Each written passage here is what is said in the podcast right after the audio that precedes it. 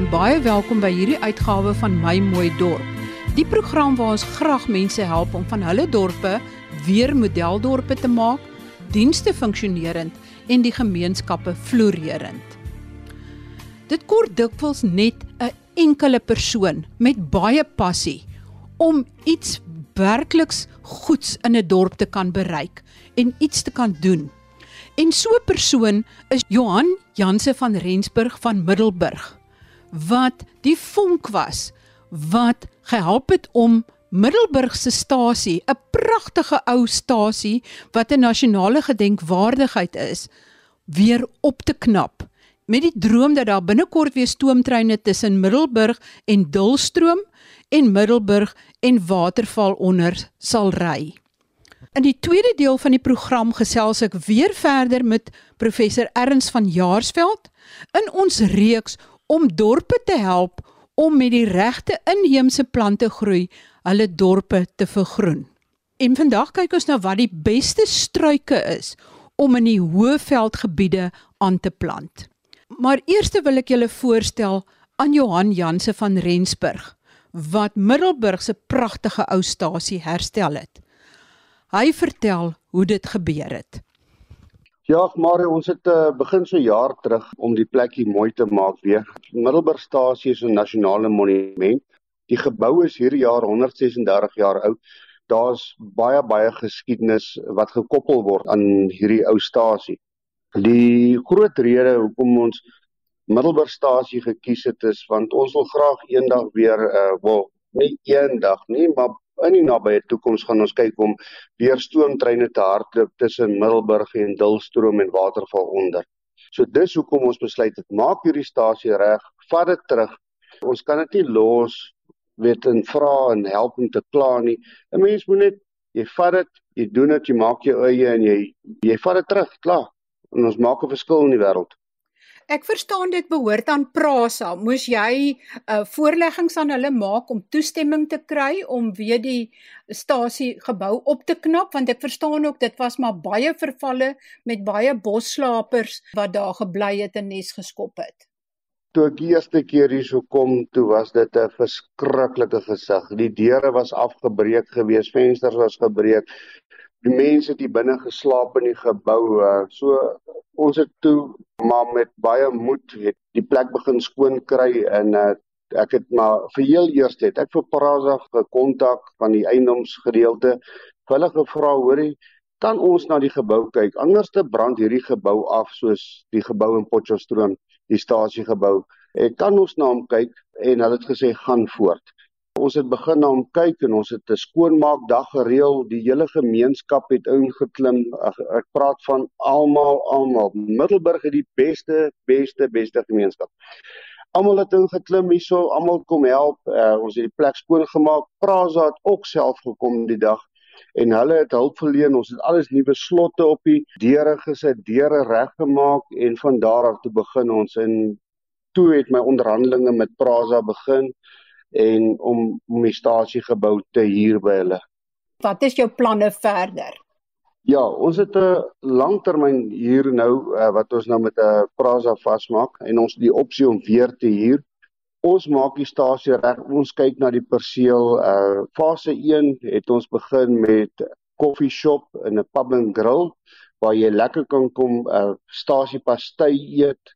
Dis lekker kalm op die stasie. Jy kan of binne in die gebou sit of buite op die stoep kyk hoe die treine verbyry of jy kan 'n lekker toer vat deur ons fase 1 ehm uh, museumpie. Dan kan jy nou gaan kyk wat daar so die ou spoorweg nostalgie tot ons begin terugbring.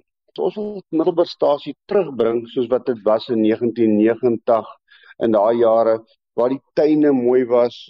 Maar ja, dit dis baie nice geweest. Die groot storie is ons is besig in onderhandelinge met uh, Transnet vir ons access agreement om die stoomtreine te ry op die spoor. Uh ons is seker so 95% met dit klaar en as dit kom dan kom die stoomtreine en dan gaan ons begin ry en toerisme gaan weer groot raak in Mpumalanga. Is die spore nog die heeltyd in gebruik? Intussen tyd al hierdie stasie nou verval, die gebou, maar is die spoorlyn nog die heeltyd in gebruik dat dit darm veilig en reg in stand gehou is. Man ja, maar die die spoorlyn is in gebruik. Ek het in Desember het ek saam met ehm um, Transnet se ingenieurs het ons 'n lyn inspeksie gehou op 'n trolleykarretjie af na Dulstroom toe want ons het twee roetes, die Dulstroom roete en die Waterval onderroete. Ons het vir 2 dae, een dag Dulstroom toe, ander dag Waterval onder toe, het ons die lyn geïnspekteer. Ons het uh, foute uitgewys, plekke wat ons sal moet regmaak en die goedjies, maar die lyne is in gebruik, maar ons moet aanpas vir stoom. Uh, die laaste wat 'n lokomotief gery het was in 1993 hierdie roete so wat ons moet doen is ons moet dit nou weer regkry soos die water wat ons moet vat op stasies vir die lokomotief, ons moet uh, steenkool op dulstroom kan aanvat, ons moet uh, water van onder en dan die groot storie is soos op dulstroom moet ons ons lokomotief kan draai. Ons beplan om 'n draaitafel op 'n uh, dulstroom in te installeer waar mense weer kan gaan sien hoe draai 'n lokomotief op 'n draaitafel. Dit sal uniek wees. Ek dink die enigste draaitafel vir stoom in Suid-Afrika. Is daar nog stoomtreine wat jy kan gebruik? Waar gaan jy hulle kry? Ja, ons het uh, ons eie stoomtreine wat ons regmaak en dan gaan ons van die Transnet Heritage Foundation 'n paar stoomtreine van Transnet hier. Daar staan twee mooi stoomlokomotiewe heidaglik gerestoreer deur uh Shaun Ackerman van die Reef Steamers groep by Reef Steamers in Germiston en uh, ons sal vereers hulle hier om die projek weet af te skop. Uh, Daai een lokomotief is 'n 15F en die ander een is 'n 12AR. Haar naam is Susan en sy's al oor 100 jaar oud daai lokomotief, maar sy loop of sy gister aan mekaar gesit is. Waar kom jou groot belangstelling in stoom lokomotiewe ensovoorts vandaan? Ag Marie, ja, my pa het um, in die 60 1962 het hy begin op Bloemfontein werke. Hy by die spoorweg begin as 'n passer en draaier en toe sy in 1974 na Welkom toe waar hy verder op die stoomtreine gewerk het op die goudmyne by Sint Helena goudmyn. En toe sulke 'n klein chokkertjie, ek het altyd saam Saterdag myn toe gegaan want ek saam met op die stoomtreine gery as hulle gaan werke daar. En dis maar waar die liefde gekom het en uh, ek het in 2010 het ek ons eie trein in Middelburg nommer 1127 dis 'n klas 8A het ek al geskuif vanaf die munisipaliteit het ek al geskuif na die dros toe weer met die hulp van die gemeenskap. Ek is maar net die die persoon wat die leiding neem en sê kom man hè kom ek trek almal saam en dat in as ek jou sê ons het die beste beste gemeenskap. Al die groot maatskappye ingenieursmaatskappye die staalmaatskappye in in Middelburg almal het ingeklim, almal het gehelp, almal het 'n ou bietjie bietjie bygedra. Op die, op die einde van die dag maak ons 'n verskil in ons dorp. Dis hoekom Middelburg so goed is. Maar dit moes jou ook 'n klomp geld gekos het om al hierdie werk gedoen te kry. Alles is seker nie geborg nie. Jy moes sekerlik klomp geld uit jou eie sak uit ook betaal.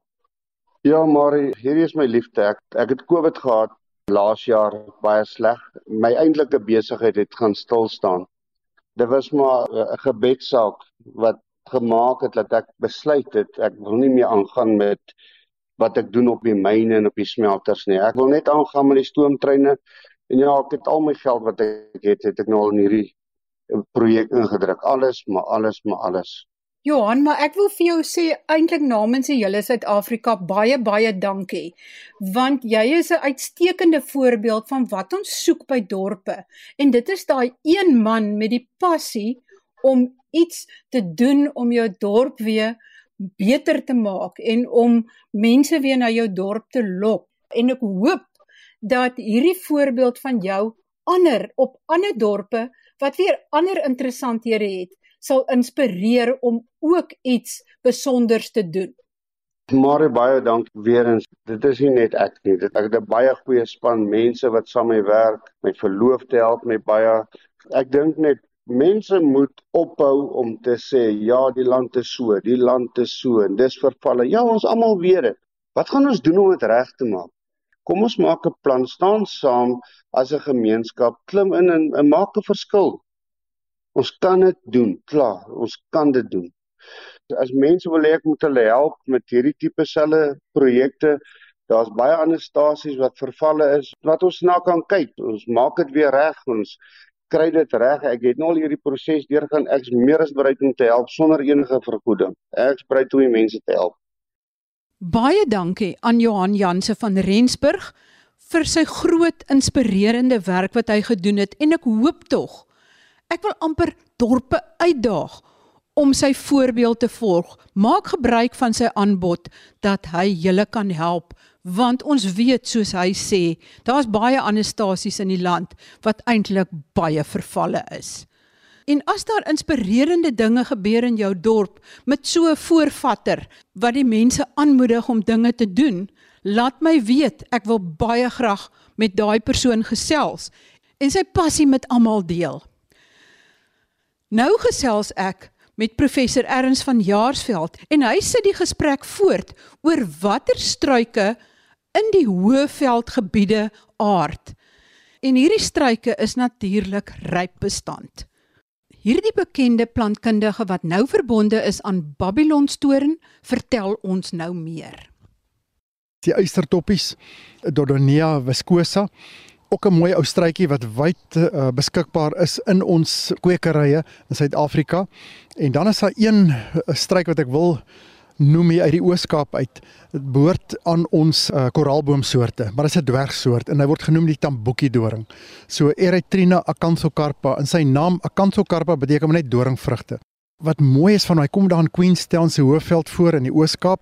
Hy's baie bestand teen ryp en teen brand. So elke jaar word hy afgebrand, ten nie teenstaande loop hy uit. En hier in die in die vroeë lente gee hy groot trosse blomme, maar hy blomme is ongelooflik mooi en opvallend en dit trek altyd aandag. Hulle is pragtig donker rooi tot oranje en dat hy ook dele groen en geel in dieselfde blom. En natuurlik dit is onweerstaanbaar vir die ou suikerbekkies wat in jou tuin toe sal kom. En daarna dan kom natuurlik die ou pele wat die pragtige ou vruggies dra. Hy is maar moeilik beskikbaar, maar Karoo Botaniese Tuin het hom aan ons beskikbaar gestel en ons het destyds heelwat aangeplant hier op op Babelstoren tuin waar mense dit ook kan sien. Maar ek dink hy's vandag meer wyd beskikbaar so. Probeer maar van die ander uh, botaniese tuine en kyk of mense hom in die hande kan kry. Hy's ook baie na verwant aan die ploegbreker. So die ploegbreker ook 'n groot koraalboom soort, daai tipiese kenmerkende drieledige blare maar reusagtige blare wat hy produseer. So as 'n mens rondry op die hoofveld in die middelsomer, sien jy dikwels 'n rooi kolle in die in die grasveld. En dis ploegbreker wat blom en uh, ook suikerbekkie bestuivend. Hy het vleesige wortels en dit het natuurlik die, die boere die harnas ingedryf. Dis hoekom hulle genoem het ploegbreker want hy het enorme uh, wortelstelsel en as 'n boer besig om sy land te ploeg en daar's 'n ploegbreker in, het dit dikwels sy hulle hulle ploeg gebreek. Hulle is beskikbaar, nie baie algemeen nie, maar dit is 'n pragtige plant wat 'n mens kan aanplant in 'n hoekie. Jy moet net vir hom spasie los vir daai groot reusagtige blare. Winters gaan hulle heeltemal af, so hulle verdwyn ondergronds. En as 'n hele groep van die Hoëveldse plante wat wat ondergronds gedryf is eintlik. Daarom is die ou ploegbreker 'n tipiese kenmerkende soort wat andersins as hy gewone ou koraalbome bo-gronds is deur die brand en ryp ondergronds gedryf en dis hoe hy oorleef. So hy ignoreer maar net die brand wat bo hom aangaan in die ryp en hy loop maar net uit in gewoonlik gedurende die lente. Kruispesie is nog 'n pragtige struik met sy mooi persblommetjies en sy eetbare vruggies. En dan dink ek ook aan Willedagga. En Willedagga is 'n vinnige groeier en 'n mens moet baie van hierdie vinnig groeiende plante terugsnoei in die winter. En dan sal hulle weer elke lente uitloop en die Willedagga met sy pragtige oranje blommetjies wat buisvormig is, suikerbekkies bestuif hom en natuurlik daar's vandag ook witblommende kultivars wat geselekteer is. En dan ook die pendoring. Die pendoring Gymnosporia buxifolia, dit kom oral op die hoofveld voor, lang pendorings. Hulle blom gewoonlik in die lente Die blomme is is kenmerkend en hulle reuk. Hulle reuk is ongelooflik kenmerkend en dit ruik nie baie lekker nie. So baie mense vermy hulle, maar dit is gewoonlik net vir 'n kort tydjie. Ek is so gewoond aan hulle want ek onthou op die Hoofveld op my oupa se plaas waar ons so dikwels gegaan het in die Heidelberg distrik, altyd daai kenmerkende reuk en as ek hom ry, dink ek altyd terug aan daai dae. Dikwels uh, sien jy mense vliee op hom of brommers op hom, want maar die plant self is baie mooi en hy hy kan 'n pragtige heining ook maak en soos ek noem, uh, moenie afgeskrik word deur daai blommetjies nie plant hom aan. Ja, hy maak 'n baie mooi veiligheidsheining met daai kenmerkende ou pendorings van hom. Dan die bergkruikie roer my nie, Melianthus se soorte is ook 'n mooi uh, plantsoort die uh, krykie roer my nie wat eienaardig is van hulle Marie in plaas van nektar wat deurskynend is soos die meeste plante is hulle nektar swart. Dis tog soet en die suikerbekkies geniet dit baie. En nog 'n klein ou struitjie is die myrting, Myrcene africana. Kom gewoonlik onder die bome voor en uh, klein ou blommetjies. Tewens hy was so gewild dat hy selfs in Europa gebruik word want hy so ryp bestand. En hy kom ook omtrent oral oor ons land voor op die Drakensberge. Dis 'n pragtige ou immergroen struitjie. En dan is daar ook 'n hele paar van die bruidbos soorte. Ek dink byvoorbeeld aan die pompom bruidbos, Pavetta cooperi, en die stinkblaar bruidbos, Pavetta gardenifolia en dan die valbruidbos, eh, Pavetta zayeri. So hulle is uh mooi struitjies met hulle spierwit uh, blommetjies. Oortrek van blomme in die somer as hulle aan die blom is. Ek dink ook aan die Septemberbossie, Polygala myrtifolia, dis wyd beskikbaar. Daar's 'n hele paar uh, soorte eintlik van hulle. Hulle is veel blommend en baie ryp bestand, ook selfonderhoudend. En dan die ou wit kershout, Pterosalastris echinatus, die bergtaaibos, nog 'n soort, Ciarcia dentata en die bergbesembos. Daar's twee soorte besembosse wat ek wil noem. Dit kom uit die Vrystaat uit. Wat so mooi is, hulle het pragtige besemagtige takke met fyn blare en ek dink vroeër jare was hulle baie as besems gebruik maar dis so 'n mooi se ronde struik. En mens sien dit dikwels in die Suid-Vrystaat as 'n mens met die motorry sien hierdie mooi besembosse al teen die koppe. Dan dink ek aan die wille mispel soorte. Ek dink byvoorbeeld aan die uh, uh, gewone wille mispel van Gueria en Fausta. En net soos met die regte mispel moet sy vruggies eers bietjie fermenteer aan die plant en dan kan 'n mens hom eet. En tog is hy baie lekker en ek het hulle baie dikwels as kind geëet. Ek wil net afsluit hier met die ou boesmansgif in die Acocanthera oppositifolia. Dit is 'n baie mooi kleinerige struik, maar hy het giftige vrugte en 'n mens moet maar versigtig wees vir hom en miskien moet 'n mens maar vermy om te veel van hom aan te plant. Maar hy kom wild voor op die Hoëveld. Baie dankie aan professor Erns van Jaarsveld vir hierdie bydrae. En volgende week gesels hy verder in hierdie reeks oor die bolplante, rankplante, waterplante en meerjariges wat in die Hoëveld aard. Gaan besoek gerus www.rsg.co.za. Daar is volledige inligting met fotos by van die wonderlike plante wat jy inheems kan plant wat aard eerstens in die Bosveld Laagveld gebied en dan ook alles wat ons reeds bespreek het van die bome en struike van die Hoëveld gebied. En onthou, die ander streke kom ook nog aan die beurt. En ek hoop dit inspireer julle om inheemse plante te plant om julle streke en julle dorpe te vergroen want dit is deel van die verfraaiing van jou dorp. Tot volgende week dan. Groete van my, Marie Hudson.